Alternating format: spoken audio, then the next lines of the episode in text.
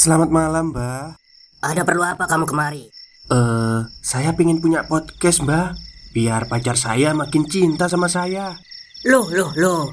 Mau bikin podcast kok tanya dukun? Sekarang kamu download aplikasi Anchor.fm. Di situ kamu bisa buat podcast gratis dan podcast kamu bisa didistribusikan ke platform mana pun. Dan di aplikasi atau website Anchor.fm juga terdapat fitur-fitur yang memudahkan kamu untuk membuat podcast. Oh, gitu ya, Mbak.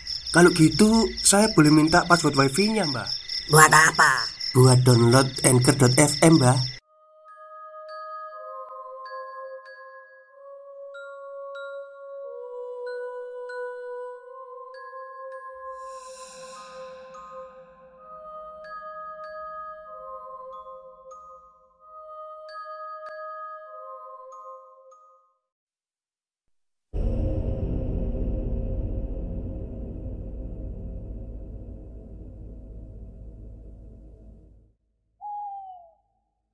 Assalamualaikum warahmatullahi wabarakatuh. Halo semuanya, jumpa lagi dengan saya Chow Sing Sing, kurator dari Podcast Horror Night Story. Halo, apa kabar semuanya? Semoga kalian semua sehat-sehat ya. Dan seperti biasanya, pada malam hari ini saya kembali Dan akan menghadirkan sebuah kisah mistis untuk kalian semua. Kisah mistis kali ini ditulis oleh Mas Indrawan melalui twitternya dan ini menceritakan Kalau bisa dibilang ya Anu ya, apa kesedihan lah ya. Oke, daripada kita berlama-lama Mari kita simak ceritanya. Aku termenung menatap beberapa lembaran kertas Yang tergeletak di lantai tepat di hadapanku. Kepala ini terasa mumet. Heran sekali Kenapa sulit amat untuk mengingat dan menghafalkan deretan angka yang tertera di kertas-kertas itu. Tadi, Eyang menyerahkan lembaran-lembaran itu kepadaku supaya aku mempelajarinya. Ini dikarenakan akibat kebodohanku sendiri yang selalu salah dalam memilih dan mengambil kertas yang ia sebut sebagai uang. Menurut dia, seharusnya aku mengambil kertas yang memiliki warna biru atau yang berwarna merah saja. Tapi aku ini buta warna. Satu-satunya metode termudah bagiku untuk mempelajarinya yaitu dengan cara menghafal jumlah angka yang tertera di lembar uangnya. Eyang mengajarkan kalau aku harus menghitung dulu angka-angkanya jika di depannya ada angka 5 lalu diikuti 4 angka kosong di belakang Atau ada angka 1 Dan terdapat 5 angka kosong setelahnya Maka uang itulah yang mestinya ku ambil Sayang sekali Diriku ini pun tak bisa menghitung. Eyang jadi frustasi. Tolol kau. Makinya kepadaku dia tak mau tahu. Aku tetap dipaksanya Untuk segera pandai dalam mengenal uang Bagaimanapun caranya. Ku coba lagi untuk menghitung Dengan menghafalkan angka-angka tersebut Semampu kapasitas otak di kepalaku ini. Ah, pusing aku. Hatiku jadi geram. Saking geramnya, ku remas kertas-kertas tadi Dan ku hamburkan begitu saja Masa bodoh lah dengan Eyang. Ia taunya hanya tinggal beres dan marah-marah saja. Sudah lama aku muak dengan ini semua. Muak dengan tempat ini. Muak dengan tugas-tugas membosankan Yang harus selalu aku lakukan. Aku pun lelah Merasa jenuh tinggal di pondokan Yang selama ini menjadi tempat diriku bernaung Ingin rasanya pergi sejauh mungkin Sebebas-bebasnya ke mana pun aku suka. Tetapi Eyang memperingatkanku Sebelum dapat keluar dari tempat ini Aku harus berlatih dahulu Hingga benar-benar pandai dan ahli. Jika diriku sudah menguasai keahlian dan kepandaian yang seperti Eyang ajarkan Nantinya akan ada orang yang mau mengadopsiku, sehingga aku pun bisa ikut pergi bersama orang itu. Makanya, sambil menunggu, aku harus banyak berlatih dan belajar agar kelak tidak mengecewakan orang yang mengadopsiku. Pelajarannya bukan hanya mesti mengenal nominal angka-angka seperti yang aku sebut tadi, tapi ada juga latihan berupa praktek langsung di lapangan. Dan dari hasil pelajaran yang telah kulalui, menurut Eyang, aku terlalu bodoh dan belum pantas untuk diadopsi saat ini. Bukan cuma diriku saja sih yang bebal, masih ada belasan lagi teman-temanku yang bernasib sama denganku yang bercokol di pondokan ini. Kami semua sama-sama harus giat belajar dan sama-sama pula menanti masa-masa yang bisa dikira segera hengkang dari tempat di tengah hutan ini. Suatu kali pernah kami dikumpulkan di dalam satu ruangan oleh Eyang. Di situ kami semua disemprot habis-habisan oleh beliau. Dia menyebut kami ini hanyalah ampas, tidak berguna dan terlalu tolol. Sampai-sampai tak satu pun dari pelanggannya yang mau membeli kami. Loh, memangnya kami ini barang dagangan apa? Pikirku. Dulu, pondokan ini sempat ramai penghuni di dalamnya. Bangunan yang berlantai dua ini pun sesak dan penuh kala itu. Bahkan, aku hanya kebagian tidur di bagian tangga saking ramainya. Seiring jalannya waktu, Sedikit demi sedikit, mereka pun keluar dari pondokan karena ada orang yang mau mengadopsi. Makin banyak penghuni yang dibawa orang, Eyang malah makin senang. Mukanya yang jelek itu cengengesan tanpa henti. Biasanya, setelah banyak yang telah diadopsi, Eyang akan mendatangkan lagi penghuni yang serupa kami ini di dalam pondok. Heran juga aku bisa dapat dari mana dia? Sampai akhirnya hanya kami yang tersisa Yang ia sebut sebagai ampas Karena tak ada satupun yang tertarik untuk mengadopsi. Seingatku sepertinya Aku sudah berada sangat lama di sini. Entah semenjak kapan Tahu-tahu aku bertemu Dan dibawa oleh seseorang Yang menjuluki dirinya sendiri sebagai Eyang Awalnya si Eyang ini terlihat baik hati dan sangat melindungi. Lama-lama Ketahuan juga sifat asli beliau yang sebenarnya. Dia sangat jahat. Kami semua dilarang keras untuk keluar dari pondokan Kalau tanpa sepengetahuannya. Kami bisa keluar hanya di saat jam praktek di lapangan tiba di luar waktu itu, kami diwajibkan untuk tetap berdiam diri di dalam pondokan. Sebagai antisipasi demi keamanan kami, Eyang telah menaruh dua penjaga di depan pintu masuk pondokan. Kedua penjaga itu memiliki postur tubuh yang tinggi besar dengan pakaian serba gelap. Mata mereka memancarkan sinar seperti api Tersembul pula sepasang taring panjang dari bagian bawah gigi mereka. Masing-masing di tangannya memanggul sebuah pentungan besi berukuran raksasa. Aku tahu mereka ini adalah makhluk dari jenis genruwo Yang hidup di sekitar hutan ini. Mungkin juga mereka sudah menjadi peliharaan Eyang. Baik amat sih si Eyang ini. Dugaku saat itu Pasti dia khawatir akan keselamatan kami di tempat ini. Tapi kemudian kucurigai dua makhluk itu sepertinya ditempatkan bukan untuk menjaga keamanan, tapi lebih difungsikan untuk mencegah kami agar jangan sampai keluar dari pondokan. Ya, begitulah kesimpulan yang kudapat. Ketika terjadi suatu peristiwa yang merenggut salah satu nyawa penghuni beberapa waktu yang lalu. Kedua penjaga itu sangat kejam. Dia menghajar si penghuni yang bernasib malang hingga tewas. disinyalir kalau dia sedang mencoba untuk melarikan diri.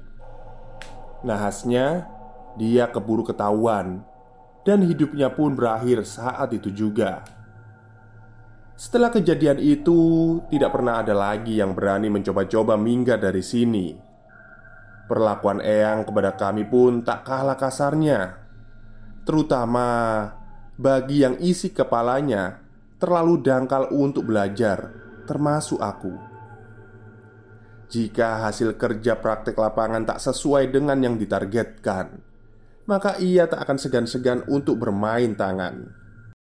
Stop, stop. Kita break sebentar. Jadi gimana? Kalian pengen punya podcast seperti saya?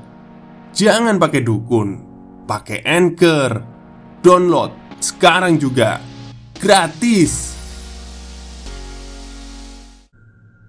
Tubuhku yang kecil ini pun telah puas jadi santapan amukannya. Penyebab ia selalu marah, biasanya karena aku salah dalam mengambil uang. Menurut Eyang, uang yang aku ambil itu nominalnya terlalu kecil. Ya, mana aku paham soal begituan. Aku taunya cuma ambil terus kabur.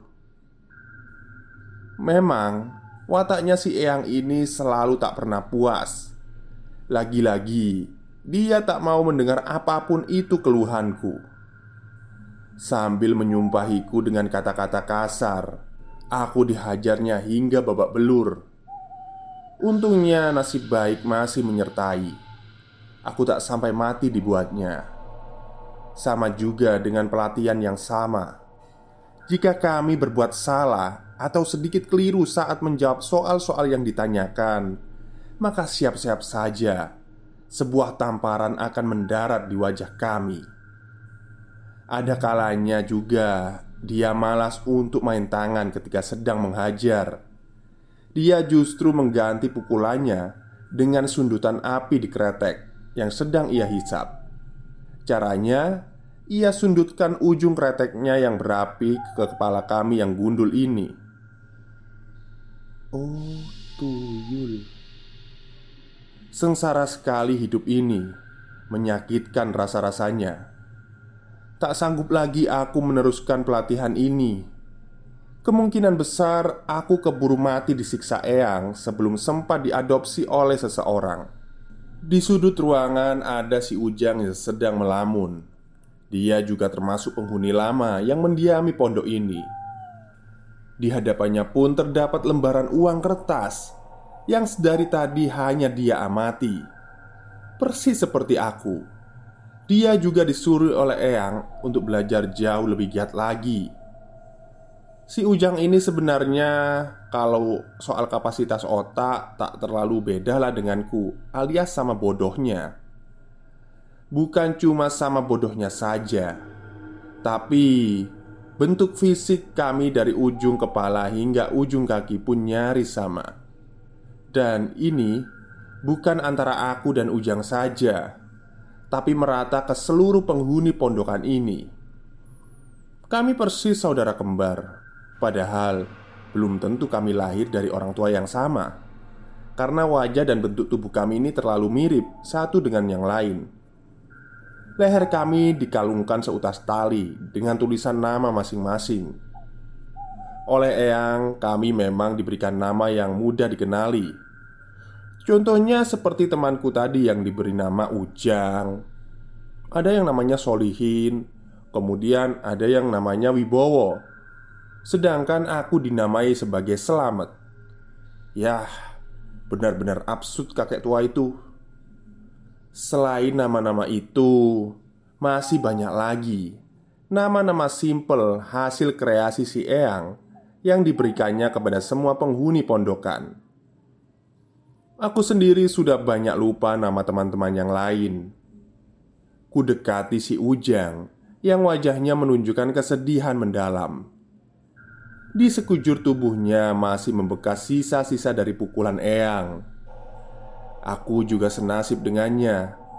Faktor senasib ini yang membuat kami berdua menjadi sahabat.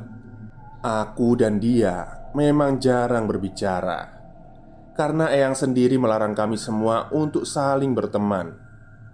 Tapi dia tidak tahu kalau kami bisa berkomunikasi hanya dengan saling menatap mata saja. Dengan tatapan mata, kami bisa berbagi cerita, sekaligus dapat merasakan penderitaan dan kesulitan di antara kami semua. Siang hari ini, Eyang muncul di pondokan sambil berteriak memanggil kami untuk segera berkumpul. "Woi, bocah-bocah, Waktunya minum susu Pekiknya dengan nada kasar Ah, ya Aku baru ingat Hari ini sudah jadwalnya untuk asupan gizi Bagi para penghuni. Sesuai jadwal Setiap beberapa hari sekali Kami akan mendapatkan jatah untuk mengisi perut. Kami memang tidak diberi makan setiap hari. Makanan kami cuma disediakan sekali dalam setahun. Itu pun hanya berupa potongan-potongan kecil daging hewan yang hidup di hutan. Namun, sebagai pengganti makan tadi, kami diberikan susu yang wajib kami konsumsi sebagai sumber energi dan kekuatan. Kalau tidak minum susu ini, tubuh kami akan melemah sehingga tak mampu untuk beraktivitas setiap harinya.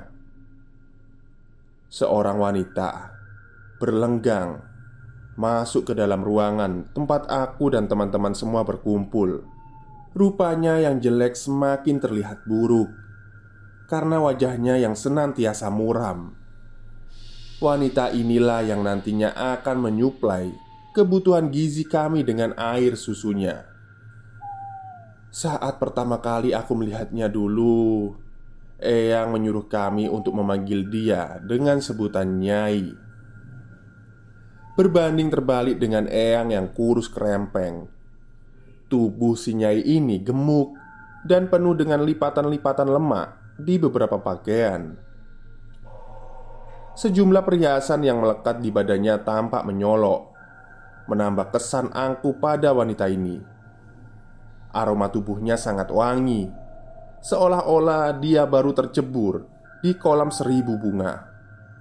Tapi kalau dicium dari dekat Wanginya malah bisa bikin sesak nafas.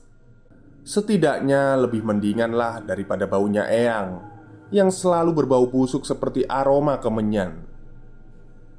Ayo cepat-cepat berbaris yang rapi kalian. Perintah Eyang lagi kepada kami. Nyai mulai melepas pakaian yang dikenakannya dan segera menyiapkan bagian dadanya untuk menyusui kami. Pandangan tertuju ke arah kami satu persatu dengan ekspresi yang tidak senang, sama seperti sebelumnya. Kemungkinan besar ia pun merasa keberatan untuk melakukan pekerjaannya. "Eh, jangan bohong aja kalian, cepat berbaris!" Aku sibuk banyak kerjaan Bukan cuma ngurusin kalian saja Ah bocah setan Bentaknya Kasar sekali Sifatnya pun tak beda dengan si Eyang. Sempat kuduga Jangan-jangan Mereka ini sepasang kekasih Atau mungkin sudah suami istri. Sakit juga hatiku Disebut olehnya sebagai bocah setan. Brengsek Makiku Ucapan itu sungguh sangat menyinggung perasaan. Hanya karena penampilan kami yang kecil ini Bukan berarti kami ini adalah anak-anak. Kami semua adalah makhluk yang berusia dewasa Yang kebetulan terjebak di dalam tubuh yang kecil. Itu saja. Tak sabar karena gerakan kami yang lamban. Buru-buru Nyai menarik lengan kami untuk segera maju. Cepetan Pekiknya Supaya acara ini lekas selesai Dia akan menyusui sekaligus dua dalam sekali waktu. Durasinya pun tak lama Hanya beberapa kali hisapan. Kemudian Dia akan mengganti Dengan yang belum mendapat giliran. Sembari menyusui kami Mulutnya tak berhenti mengoceh. Ada saja makian yang selalu ditujukannya kepada kami. Jika ada yang menghisap dadanya terlalu cepat, tangannya akan menggebrak kepala kami sekuat-kuatnya. Kadang-kadang, kuping kami yang panjang ini akan ditariknya jika sedikit terlambat untuk melepas hisapannya di mulut bila melewati masa waktu yang sudah ditentukan. Ludahnya terciprat ke segala arah saat dia menjerit memaki-maki kami. Giginya yang tongos membuat pemandangan di wajahnya semakin tak menyenangkan saat caci makinya berlangsung. Sungguh memualkan isi perut ketika melihatnya. Buru-buru aku menyedot susunya saat giliranku tiba. Untungnya dapat selesai sebelum dia membentakku untuk berhenti menghisap dadanya. Sengaja aku tak mau berlama-lama. Yang penting, rasa hausku bisa sedikit berkurang.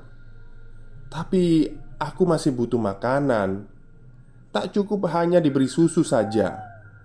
Karena kekurangan makan ini, kami semua menjadi gampang sakit. Tak ada yang memiliki tubuh sehat, semuanya kurus. Nyaris hanya menyisakan tulang yang dibungkus kulit memucat. Memang tak enak kalau kelaparan Tapi apa yang bisa dimakan di tempat ini? Selain sedikit susu yang barusan kami telan. Ujang terpekur sendirian di pojok sambil mengelus perutnya. Mungkin ia juga masih lapar. Tak tega aku melihatnya. Dia menatapku dengan sorot mata tajam. Tatapannya terlihat berbeda dari yang biasanya. Sepertinya ada sesuatu yang tak ingin dia utarakan. Aku mencoba mencari tahu arti tatapan mata itu, namun sayangnya aku terlambat untuk menyadari. Malamnya, dua gendruwo yang menjaga pintu luar sibuk menggeledah isi pondok. Setiap ruang mereka obrak-abrik seperti sedang mencari sesuatu Teman-teman yang lain gemetar karena ketakutan. Sebelumnya, kami memang belum pernah melihat mereka mengamuk seperti sekarang ini. Tak lama kemudian, Eyang tiba dengan kemarahan yang sama. Baru kuketahui kalau ada salah satu dari penghuni yang telah menghilang, dan aku juga baru sadar jika aku tak melihat Ujang dari tadi. Ternyata dia yang hilang Ujang telah kabur dari sini. Sepertinya memang dia sudah merencanakan aksinya dengan baik dan berhasil karena dua gendruwo itu tidak tahu kapan ia melarikan diri. Entah bagaimana caranya, Ujang bisa lolos dari penjaganya. Kuyakini dia telah merancang rencana ini sejak lama. Tapi kenapa dia tidak mengajakku ikut serta? Tanyaku dalam hati Ah, sahabat macam apa kau ini? Setiap penjuru pondokan ini telah rata diperiksa Hasilnya tetap saja Ujang tak dapat diketemukan Kuyakini kini ia telah berada jauh di luar sana Kuharap juga ia dapat menjaga dirinya baik-baik Mengingat hutan di lokasi pondokan ini dipenuhi dengan bangsa jin yang amat kuat. Dan setauku, beberapa dari mereka ada yang bersekutu juga dengan Eyang. Dan aku cemas jika Eyang akan meminta bantuan mereka untuk mencari si Ujang. Kalau ini terjadi, Ujang bisa didapatkan. Maka habislah nyawa temanku itu di tangan mereka.